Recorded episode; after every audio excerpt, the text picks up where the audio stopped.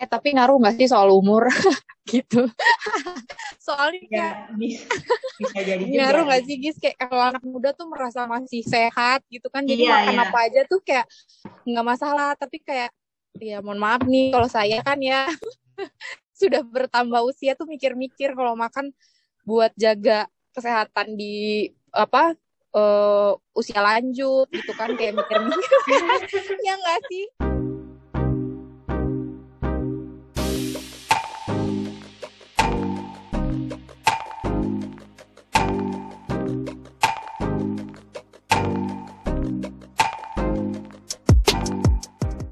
Selamat pagi, eh sorry. Selamat pagi, selamat siang. Assalamualaikum. Waalaikumsalam. Waalaikumsalam Udah udah ada audiens. Um, halo teman-teman semuanya, selamat datang di podcast YKP. Cie. Um, ini podcast pertama kita. Jadi hari ini kita mau coba merambah dunia asik perpodcastan. Um, Uh. Hari ini kita akan kita akan jadi di podcast ini nanti kita akan ngobrol bag- berbagai macam hal, eh, diskusi bareng dengan siapa aja, eh, baik itu remaja atau orang tua atau aktivis-aktivis, mungkin nanti pejabat ya, ya mana yang asik aja lah gitu. Eh, tapi khusus hari ini kita akan diskusi, akan ngobrol bareng sama teman kita. Oh ya, eh, perkenalkan aku Giska. Mungkin udah ada yang tahu. Belum belum belum belum Belum tahu ya. Aku Giska. Kalau di YKP, oh, yang udah sering main ke YKP mungkin tahu ada Giska di situ. Hari ini aku juga ada bareng sama Dede. Halo Dede, apa kabar? halo Giska Dede sehat? aku dede aja nggak mau jadi kakak Oke, oke. Dede sehat? Eh, lagi apa dan di mana bersama siapa? kok serius banget ya Gis ya jadi Enggak, kayak lagi webinar nih enggak, enggak, nggak ya enggak. Eh, mau dijawab atau enggak nih? Kalau enggak aku lanjut nih. ya lanjut lanjut lanjut lanjut Eh, selanjutnya ada teman ngobrol kita siang ini. Hari ini ada Aulia. Halo Aulia. Halo Kak Giska, halo Kak Dede. Halo, Halo. apa kabar kamu? Alhamdulillah baik nih. Eh, Aulia lagi di mana? Mungkin boleh perkenalkan diri dulu nih. Eh, Aulia dari mana? Kemudian kesibukannya apa sekarang? Oke, eh, aku Aulia dari RP3A Blitar, salah satu komunitas dampingan YKP. Hmm, sekarang lagi sibuk nungguin informasi hmm, maba kali ya. Masih Oh. mau kuliah nih Kak. Oh, oke. Hmm, maba adalah waktu yang sangat kita tunggu-tunggu, tapi nggak tahu sih kalau pandemi gini ditunggu atau enggak. Ya, wow online. iya selamat Iya. udah jadi maba seneng nggak Eh, senang sih, tapi kurang excited mungkin ya. Soalnya kan semua serba online. Jadi ya, jadi PS. Karena nggak ada ospek langsung ya. enaknya nggak ada ospek ya enaknya Iya, Iya. ospek online jadi kurang kurang apa ya, kurang excited gitu. Kurang greget ya. Iya, kirim berkas, ambil almet apa apa, dikirim-kirim aja, nggak nggak bisa ke sana. Iya, nggak apa-apa. Mudah-mudahan akan cepat selesai. Nanti mungkin bisa eh, ospek online-nya akan jadi offline mungkin setahun lagi gitu. Waduh, Pulang dong. ya. amin aja deh ya. Oke, eh, siang ini kita akan ngobrol bareng Aulia karena hari ini itu kita akan eh, ngobrolin satu tema yang menjadi tema International Youth Day tahun ini, yaitu kalau di bahasa Inggrisnya katanya ada Transforming Food System Youth Innovation for Human and Planetary Health. Eh, intinya adalah gimana remaja itu bisa berinovasi terhadap uh, sistem pangan, transformasi sistem sistem pangan di kehidupan di untuk kesehatannya. Jadi uh, kita akan bahas tentang pangan, tentang remaja yang sebenarnya kalau misalnya kita ngomongin masalah pangan tuh uh, ini hal jadi hal baru juga gitu. Ketika remaja dikait-kaitkan dengan pangan karena selama ini kalau remaja ya paling kita ngebahasnya tentang lifestyle yang mm -hmm. internet, digital, yeah. kemudian kalau yang sekarang lagi happening tuh mental health misalnya gitu. Wow. Ya, terus sekarang tiba-tiba oh ada pangan nih tema untuk remaja gitu. Tapi kalau menurut uh, Aulia sendiri kalau ngomongin kalau mendengar kata pangan nih, mungkin um, Dede juga ya. Kalau mendengar kata pangan untuk remaja itu hal apa yang pertama kali terlintas? Kalau aku mungkin lebih ke pemenuhan gizi gitu kali ya. Dan sekarang uh, Aulia lagi tertarik buat belajar tentang hidroponik gitu. Jadi kebetulan banget kita di sini bahas pangan gitu ya kak. Hmm oke okay. karena gizi itu emang ya sumbernya ya di pangan ya di apa yang yeah. kita konsumsi sehari-hari. Kalau Gimana? Kalau Dede sendiri kalau ngomongin pangan tuh itu apa sih?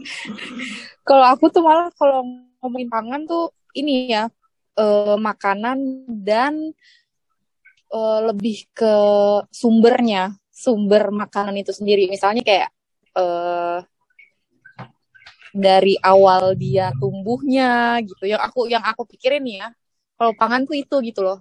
Cara cara dia tumbuhnya, cara bercocok tanamnya, bertaninya, sampai akhirnya dia dijadikan sebuah uh, apa ya namanya makanan gitu loh, Gis. Iya ya benar benar. tahu di dalam pikiran aku tuh itu. Ah, Karena ah, sebenarnya ah. nggak pernah juga sih ngomongin uh, pangan tuh kayak isu yang, hah apa ya nih youth dan pangan tuh kayak hmm. nggak pernah terpikirkan kan gitu. Hmm, hmm, hmm. Tapi tuh sebenarnya uh, secara nggak langsung tuh uh, anak-anak sekarang atau remaja-remaja orang muda orang muda sekarang tuh sebenarnya juga sudah mungkin kayaknya ada beberapa kegiatan mereka tuh sebenarnya udah fokus ke pangan kan cuma kitanya aja kadang nggak sadar ya yeah. misalnya mm-hmm. yang mencoba menerapkan healthy life yang kayak gitu ya yeah, iya yeah, iya yeah, betul ya kan betul. terus uh, yang juga mencoba untuk bercocok tanam di rumah atau uh, apa nanam ya itulah di di sekitar rumah atau apa gitu. Itu secara tidak langsung kan sebenarnya udah fokus ke pangan cuma kita nggak sadar aja ya nggak sih? Iya benar bahwa itu juga masuk dalam dalam isi pangan ya. Iya. Kita nggak pernah. Uh, uh, benar tiap, tiap hari kita kan uh, berdekatan. Ya. dengan pangan juga ya. Hidup. Mm -hmm. Mm -hmm. Uh, kalau apa di Aulia sendiri tuh kalau di tongkrongan nih misalnya gitu Uh, tongkrongan. tongkrongan. Kalau Aulia sendiri melihat orang-orang muda sekarang atau ya Aulia dan teman-teman lah di sekitar gitu. Uh, kalau untuk pangan, ya kalau kita ngomongin pangan pasti lari ke makanan, masukkan gizi dan sebagainya gitu. Apa yang tipe makanan atau tipe bahan pangan apa sih yang menjadi tren sekarang di anak muda atau di uh, remaja itu? Kalau sekarang mungkin ke lebih ke street food, junk food gitu ya. Hmm. Makanan-makanan yang lagi in gitu kali yang yang dibahas gitu.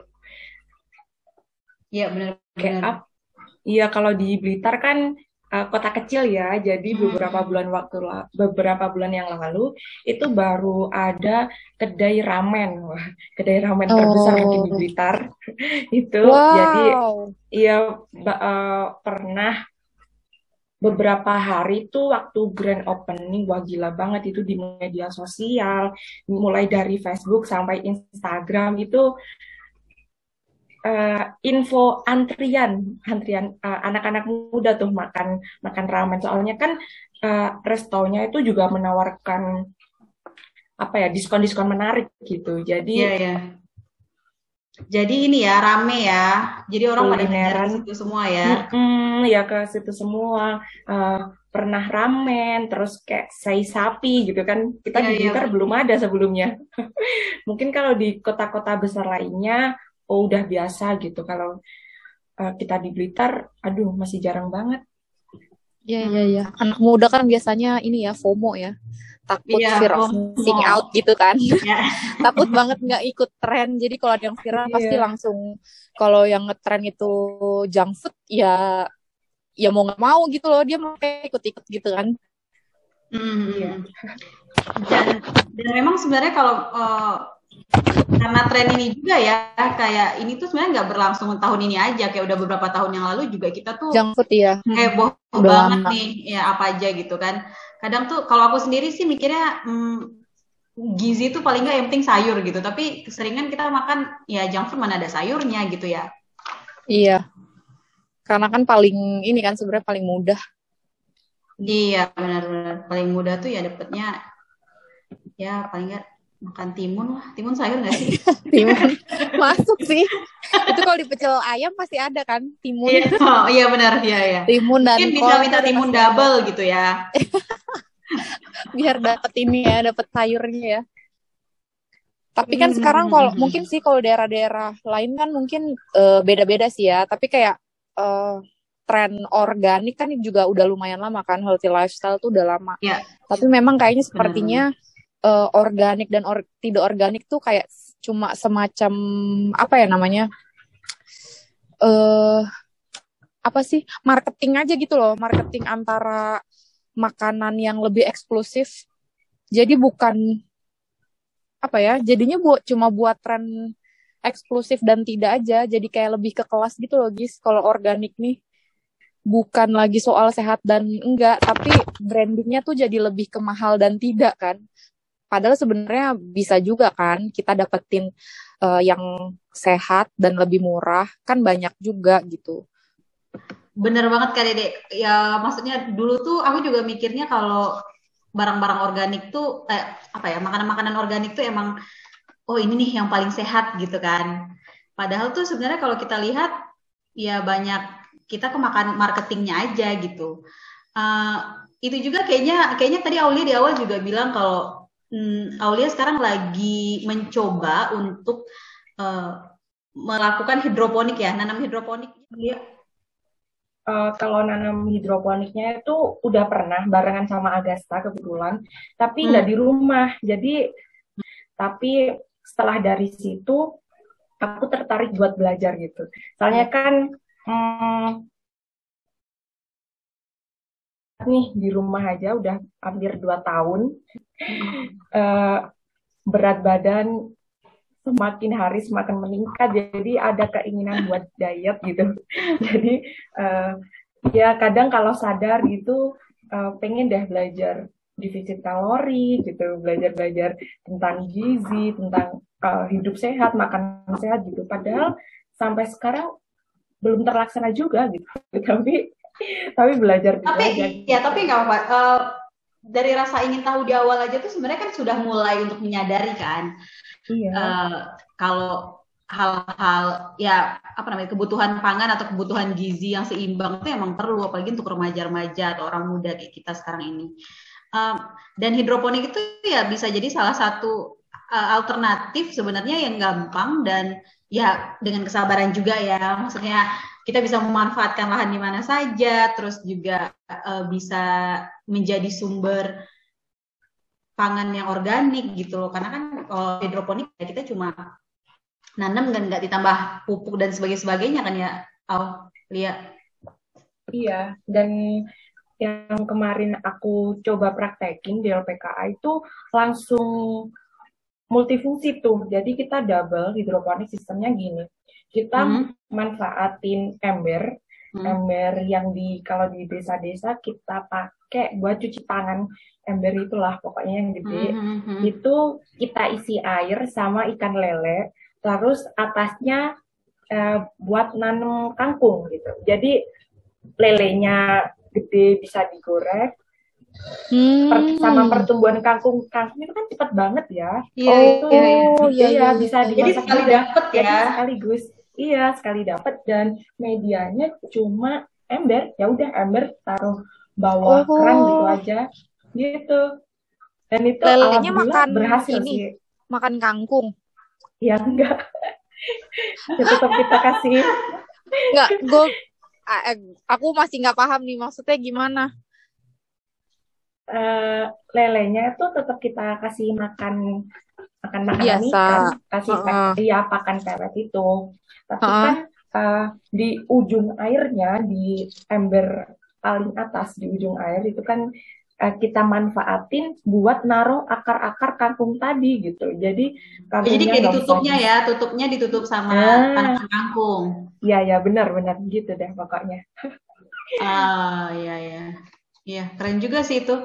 Karena kalau ternak lele itu adalah ternak yang paling gampang ya kalau kalau kulihat eh, lelenya bisa tumbuh terus terus juga kemungkinan dia dia bisa makan apa aja gitu dan yang mengkonsumsi banyak gitu. Malah pecel juga ada di mana-mana sekarang ya kan. Tapi itu kalau kita lihat em, kalau kita lihat kualitas gizi misalnya dari dari pangan atau dari makanan yang kita makan sehari-hari ini. Eh, sebenarnya kalau dilihat tuh mana sih yang paling kalau menurut Aulia atau menurut Dede juga mana yang paling oke gitu yang bisa kita manfaatkan atau yang paling gampang didapatkan tapi sebenarnya gizinya sudah bagus gitu.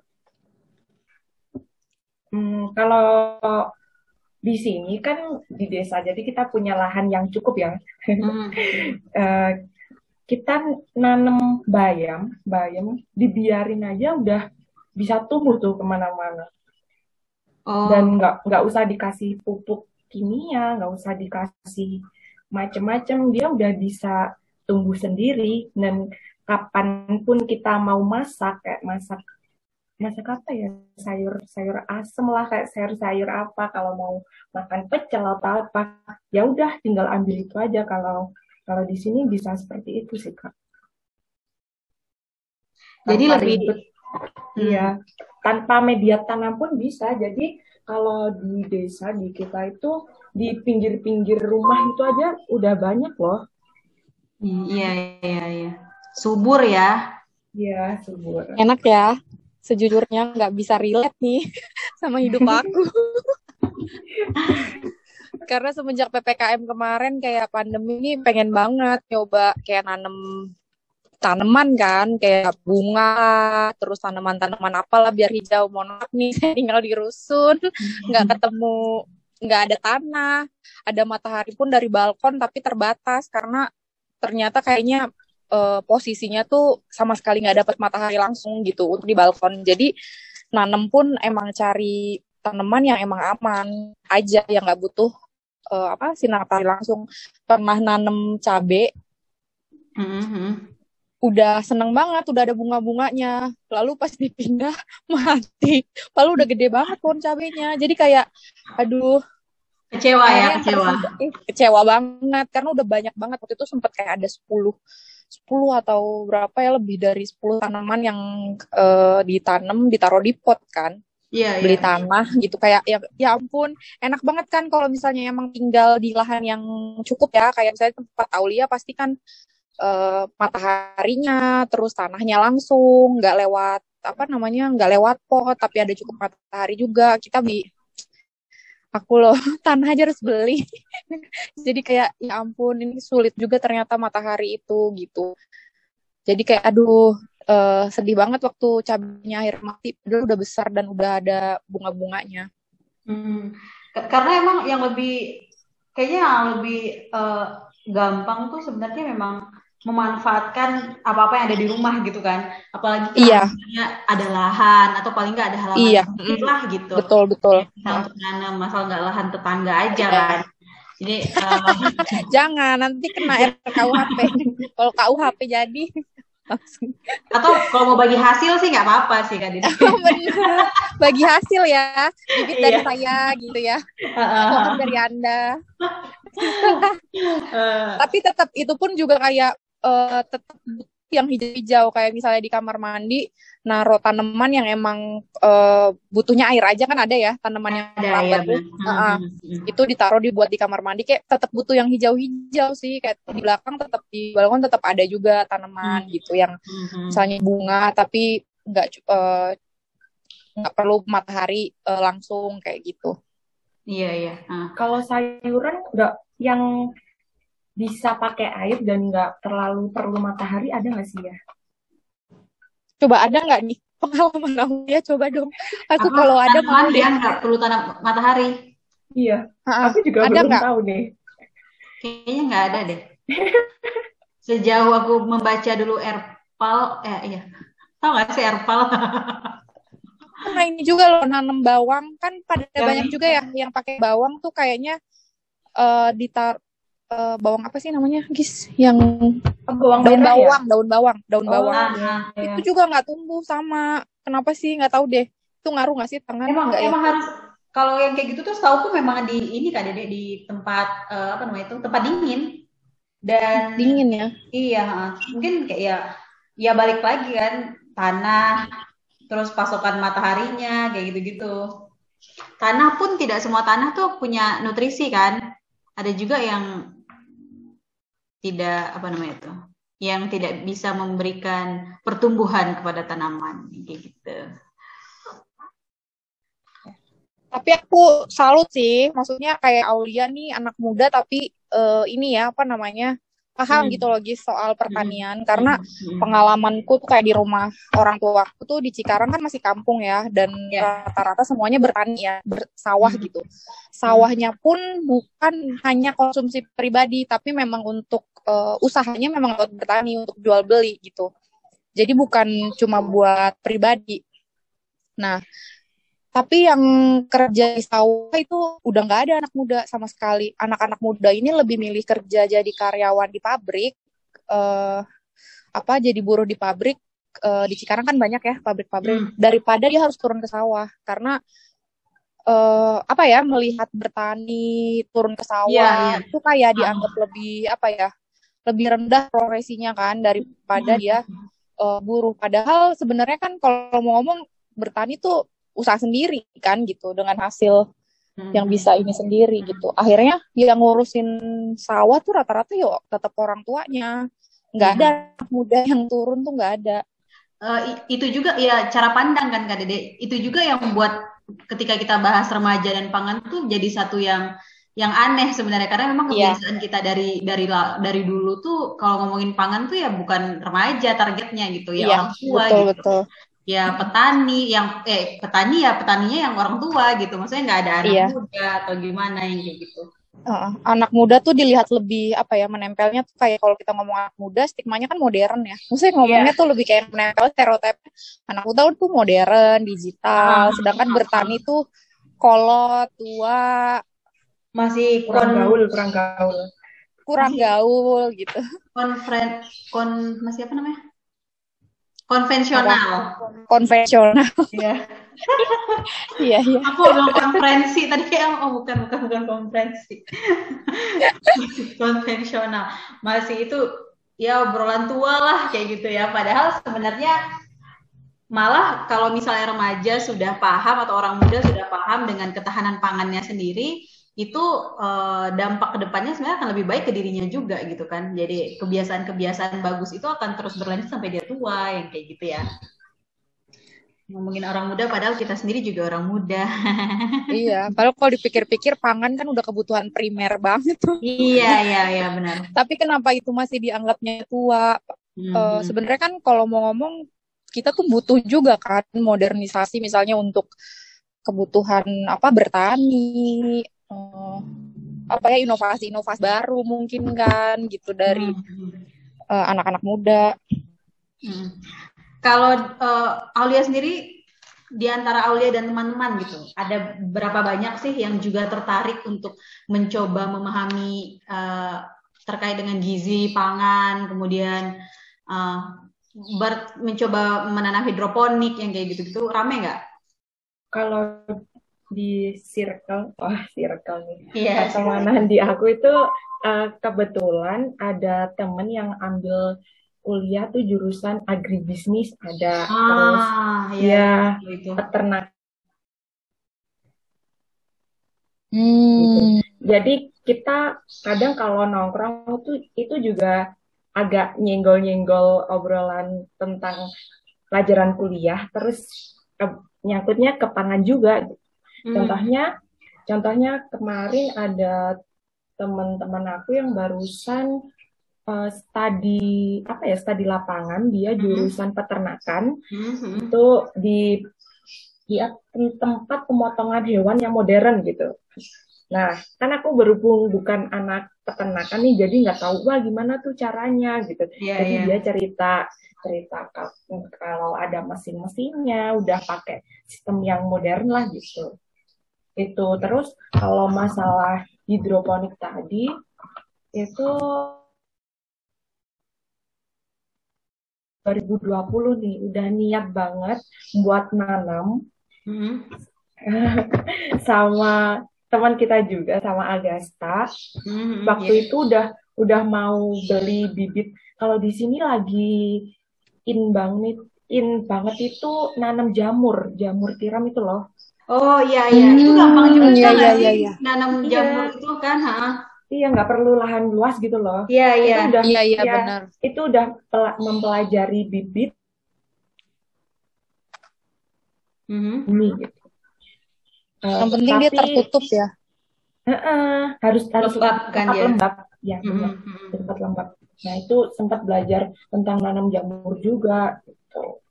Terus ya tapi nggak nggak nggak terlaksana. Yang terlaksana cuma nanam kangkung sama lele tadi. Udah itu aja. Tapi itu udah awal untuk memulai itu udah udah ini sih udah oke banget gitu.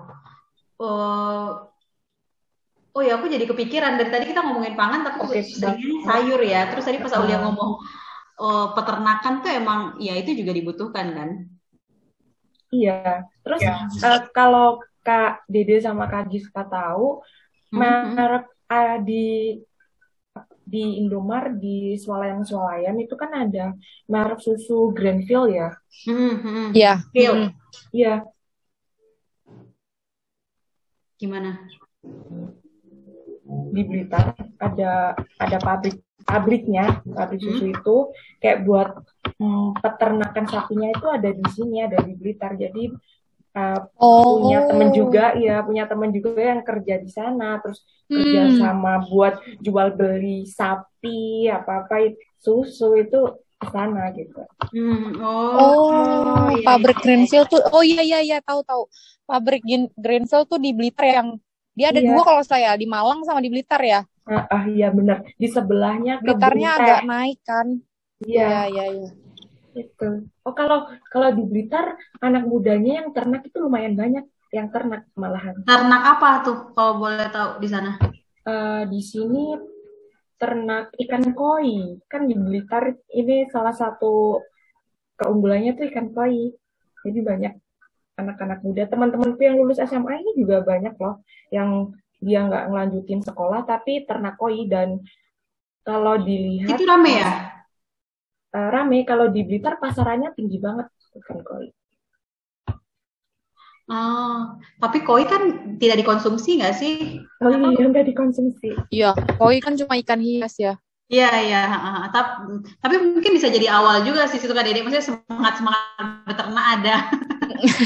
Iya, benar-benar. untuk dikonsumsi ya. Barangkali memang dari koi Ternaknya ternak ya. hias ya.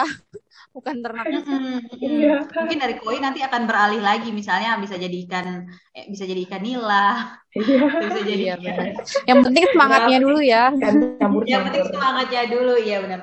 Karena memang eh, aku ada baca juga di salah satu jurnal gitu, kalau eh, katanya memang kalau remaja, remaja milenial ini tuh, eh, tunggu ini, oh ya, konsumsi pangan remaja itu relatif rendah dan belum memenuhi standar gizi katanya gitu. Padahal kita makan banyak kan, tapi ternyata Gizinya. ada gizinya. Karena itu Iya, tadi ya banget. yang viral-viral itu kan, juga, iya, benar. Dan mungkin juga kita banyak kejebak dengan ya itu tadi kayak marketing gitu ya. Jadi kayak Iya, mungkin mm-mm, kita mm-mm. ngiranya ini udah oh ini udah bener nih gizinya segini gitu. Ternyata tapi padahal itu enggak gitu. Eh tapi ngaruh nggak sih soal umur gitu? Soalnya kayak Ya bisa, bisa jadi juga. ngaruh nggak sih Gis kayak kalau anak muda tuh merasa masih sehat gitu kan jadi Iya, makan iya. apa aja tuh kayak nggak masalah tapi kayak ya mohon maaf nih kalau saya kan ya sudah bertambah usia tuh mikir-mikir kalau makan buat jaga kesehatan di apa uh, usia lanjut gitu kan kayak mikir-mikir ya nggak sih kayak udah yeah, yeah, yeah. itu udah yeah, yeah. menata hidup krisisnya udah bukan soal makan makanan mungkin, mungkin kalau kayak gitu memang uh, jargon nikmatin puas-puasin di masa muda tuh benar juga tuh kan. Jadi benar benar benar. Karena energi masih banyak waktu juga masih banyak gitu kan.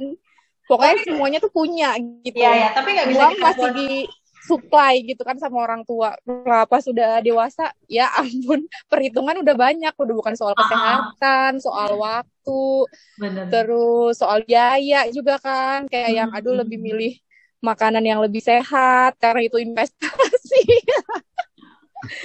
Padahal irit ya kak. Padahal iya. sama aja kok calon anak rantau nih kan kuliah sama aja lah. Oh, iya. Soalnya mikir-mikir juga gitu kan, kalau misalnya udah kayak seumuran aku kayak aduh uh, soal metabolisme juga kan kayak butuh banget disupport sama makanan yang lebih berserat. Mungkin, mungkin nanti kalau uh, teman-teman remaja atau teman-teman orang muda pada dengerin ini mungkin bisa jadi salah satu poin penting sih Kak Dedek kalau kita harus mempertimbangkan kehidupan usia lanjut. benar-benar kayak mikir-mikir kok kenapa ya? Karena jujur ya aku juga waktu muda tuh waktu muda ya sekarang udah tua. Ya, ya. waktu remaja tuh waktu remaja ya. Makan tuh seenaknya semuanya tuh dimakan apa pun lah gitu. Dan nggak sama sekali suka sayur. Sayur sama buah tuh benar-benar nggak suka gitu. Tapi ya pencernaan lancar metabolisme oke-oke aja gitu kan gak ada masalah. Giliran udah usia lanjut-lanjut terus kayak aduh kok kayaknya perut begah banget ya makan ini atau ini. Ternyata salah nih. kayaknya salah nih. Butuh doping ya kan. Iya, iya, iya. Butuh ya, butuh serat nih biar metabolisme lebih lancar, butuh ini nih. Dan hmm. ternyata itu gitu kayak kalau mau ngomong tuh kayak aduh yang muda-muda coba makannya tuh lebih lebih coba kenapa dari dulu nggak suka sayur ya kenapa dulu nggak suka gitu padahal yeah. enak kayak gitu sih kalau sekarang jadi sebenarnya kalau kita balik ke tema kita remaja dan transformasi sistem makanan ini tuh uh, tentang pangan ini tuh banyak ya. Jadi nggak hanya menyinggung terkait dengan gizinya tapi ya resiko-resiko di akhir eh, di di di apa namanya di usia lanjut uh, karena ini yang berpengaruh langsung ke badan tuh jadi pasti ada dampaknya juga maupun nanti ataupun sekarang ya nggak sih? Jadi uh, aku tuh mau bilang apa ya? aku tuh mau bilang nggak cuma kita ngebahas makanan, tapi gaya hidup juga berpengaruh ke uh, ketahanan pangannya si remaja gitu. Iya betul betul. Uh, uh, kalau Aulia sendiri nih apa yang diharapkan gitu dari Aulia untuk teman-teman remaja, teman-teman orang muda terkait dengan pangan, ketahanan pangan yang berkaitan dengan remaja ini apa yang yang Aulia harapkan? Kalau dari aku mungkin bisa mengambil pelajaran dari yang Kak Dede udah ceritain tadi. Kalau kalau udah sekarang uh, apa ya bukan remaja lagi jadi uh, bukan tua loh ya bukan mulai tua. merasakan iya uh, yang sudah pernah remaja. Uh, merasakan tes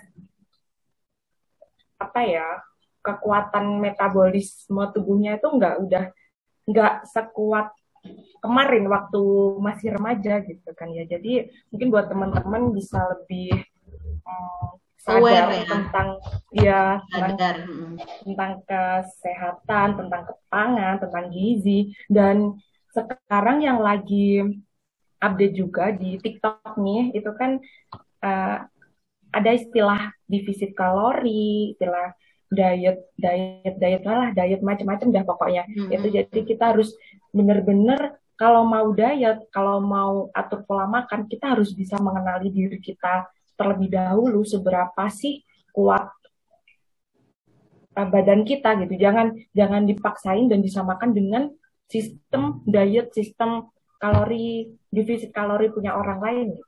Kan kadang ada yang maksa nih diet aku nggak makan nasi aku nggak makan ini nggak makan itu hmm. tapi ya masih berjalan seminggu udah tipes gitu ya ya ya karena pun kalau misalnya kita sudah uh, apa namanya kalau sudah sadar atau ingin mengikuti tren ya harus disesuaikan juga ya dengan kemampuan kita ya, dengan ya. standar gizi kita juga gitu ya. Iya porsi kalorinya itu loh ya yang Iya iya benar-benar. itu yang penting sih. Hmm, hmm. Kalau Kak Dede sendiri nih yang diharapkan apa Kak? Uh, kalau dari aku sih uh, itu kayaknya tadi poinnya udah disampaikan sama Aulia ya. Tapi kalau aku sih lebih ke bertaninya kali ya, guys. Kayak yang yang sangat sayang tentu sebenarnya nggak memalukan kok untuk bisa bertani bahwa bertani itu bukan hal yang kolot bukan hal yang tua gitu karena kan tadi ya anak muda itu kan selalu suka yang viral gitu kan kenapa itu nggak dijadikan viral untuk anak muda sendiri gitu loh buat hmm. uh, teman-teman yang lain tuh juga mau uh, untuk bertani dan nggak malu kalau misalnya mikir itu malu atau mikir itu tua, ya udah kalian dong bikin inovasi dan jadikan itu hal yang menarik dan gak tua lagi gitu. Mungkin ada karena mungkin anak muda kan lebih tahu, lebih apa ya, lebih modern. Mungkin ada hal-hal yang bisa diterapkan uh, jadi inovasi gitu. Iya, itu iya, sih benar. gitu. Karena kan itu akan jadi karena pangan itu kebutuhan primer, uh, mestinya itu juga hal yang penting ya untuk uh, teman-teman atau anak-anak muda tuh melihat itu sebagai hal yang uh, apa ya uh, penting juga gitu. Hmm, ada urgensi Dan bisa ngambil juga, ya, dapat jadi bagian dari situ gitu. Iya iya. Ya. Mungkin bisa jadi PR buat teman-teman yang ambil kuliah di jurusan agribisnis atau pertanian itu uh, jangan habis lulus ngelamar kerjanya di apa ya di dinas pertanian atau di tempat-tempat terkait. Tapi bisa bisa loh dinerapin dari ilmu-ilmu yang udah didapat. Waktu kuliah itu kan mungkin lebih lebih ilmunya lebih padat gitu daripada kita yang nggak ambil belajar di jurusan itu gitu hmm. gitu sih. Atau mungkin paling enggak uh, ini ya mengajak uh, teman-teman lain gitu untuk untuk yeah. juga menyadari bahwasanya kita bisa melakukan hal kecil terkait dengan pangan atau terkait dengan tanaman, tumbuhan, ya hal-hal lain yang bisa kita lakukan sendiri juga bisa di rumah atau di lingkungan kita. Uh, mungkin kalau aku juga mau uh, kalau terkait dengan remaja dan pangan ini gitu, hmm, mungkin teman-teman remaja dan orang muda juga harus um, menyadari bahwasanya karena si pangan ini adalah kebutuhan primer, maka dia akan sangat berpengaruh kepada kesehatan kita dari sisi mana pun gitu. Jadi baik dari uh, kesehatan ya paling paling utama itu kesehatan fisik, kemudian mentalnya juga, kemudian uh, kesehatan reproduksinya mungkin gitu. Jadi kalau misalnya hal-hal yang kita konsumsi gizinya tidak se, tidak seimbang atau tidak sesuai atau uh, tidak memenuhi beberapa nutrisi-nutrisi yang dibutuhkan itu akan juga akan berpengaruh gitu ke kehidupan kita dan ke masa depan juga nanti gitu kira-kira. Uh, Aulia ada lagi nggak yang mau di-share nih? Kayaknya kita udah panjang sekali dari tadi obrolannya. Um, Kira-kira ada lagi nggak yang mau disampaikan untuk teman-teman mungkin atau untuk Aulia sendiri atau poin penting nih yang mau kita sampaikan gitu. Halo Aulia. Sekarang kan informasi kita bisa dapat dari mana aja. Ya. Di di YouTube, di di TikTok pun sekarang udah banyak yang uh, sharing tentang tutorial macam-macam tuh aku juga ngefollow para hmm, ada petani milenial itu ada Iya, iya, iya. Nemu akunnya kayak gitu, itu kita bisa terapin loh di rumah gitu. Nggak harus pakai tanah yang luas, nggak harus di media-media yang yang ribet gitu. Jadi hmm. kita belajar kayak kalau nggak ada sinar matahari, kita coba search cari ap, apa yang ap, tanaman apa yang bisa ditanam gitu. Iya, iya benar. Harus bisa mencoba memanfaatkan ya. Mungkin ya. Uh, bagi yang sudah mengerti dan sadar, mungkin juga bisa mengencourage uh, teman-teman yang lain juga untuk juga sadar dan untuk mencoba gitu. Uh, kayaknya kita bisa tutup di sini kita uh, obrolannya. Nanti kita akan sambung lagi. Mungkin akan ada remaja dan pangan episode 2. Tapi terima kasih Aulia sudah bergabung, sudah cerita dan ngobrol dengan kita. Um, Oke. Okay. Iya, senang sekali. Oh ya, BTW, ya BTW. Aulia, ini lulusnya di mana? Kuliahnya di mana jadinya? Aku kuliah di Malang. Hmm, Malang sini Malang. aja. Iya. Kalau dari Blitar tuh tiga jam nggak sih? Berapa jam? Delapan ya? Nggak, nggak sampai sejaman aja ke Malang. Sejam, dua jam Oh lama. gitu. Iya iya iya. Karena aku pernah ke Malang dan pernah ke Blitar, tapi lupa dari Malang ke Blitar berapa jam ya gitu. Baiklah, eh, itu tadi teman-teman diskusi kita sore ini. Eh sore hari ini karena kita eh, recordnya sore, jadi aku ingatnya sore terus. Eh, kita akan diskusi lagi, kita akan ngomongin berbagai macam hal lagi nanti di podcast ini. Jadi boleh di follow podcastnya YKP, suara YKP. Waduh.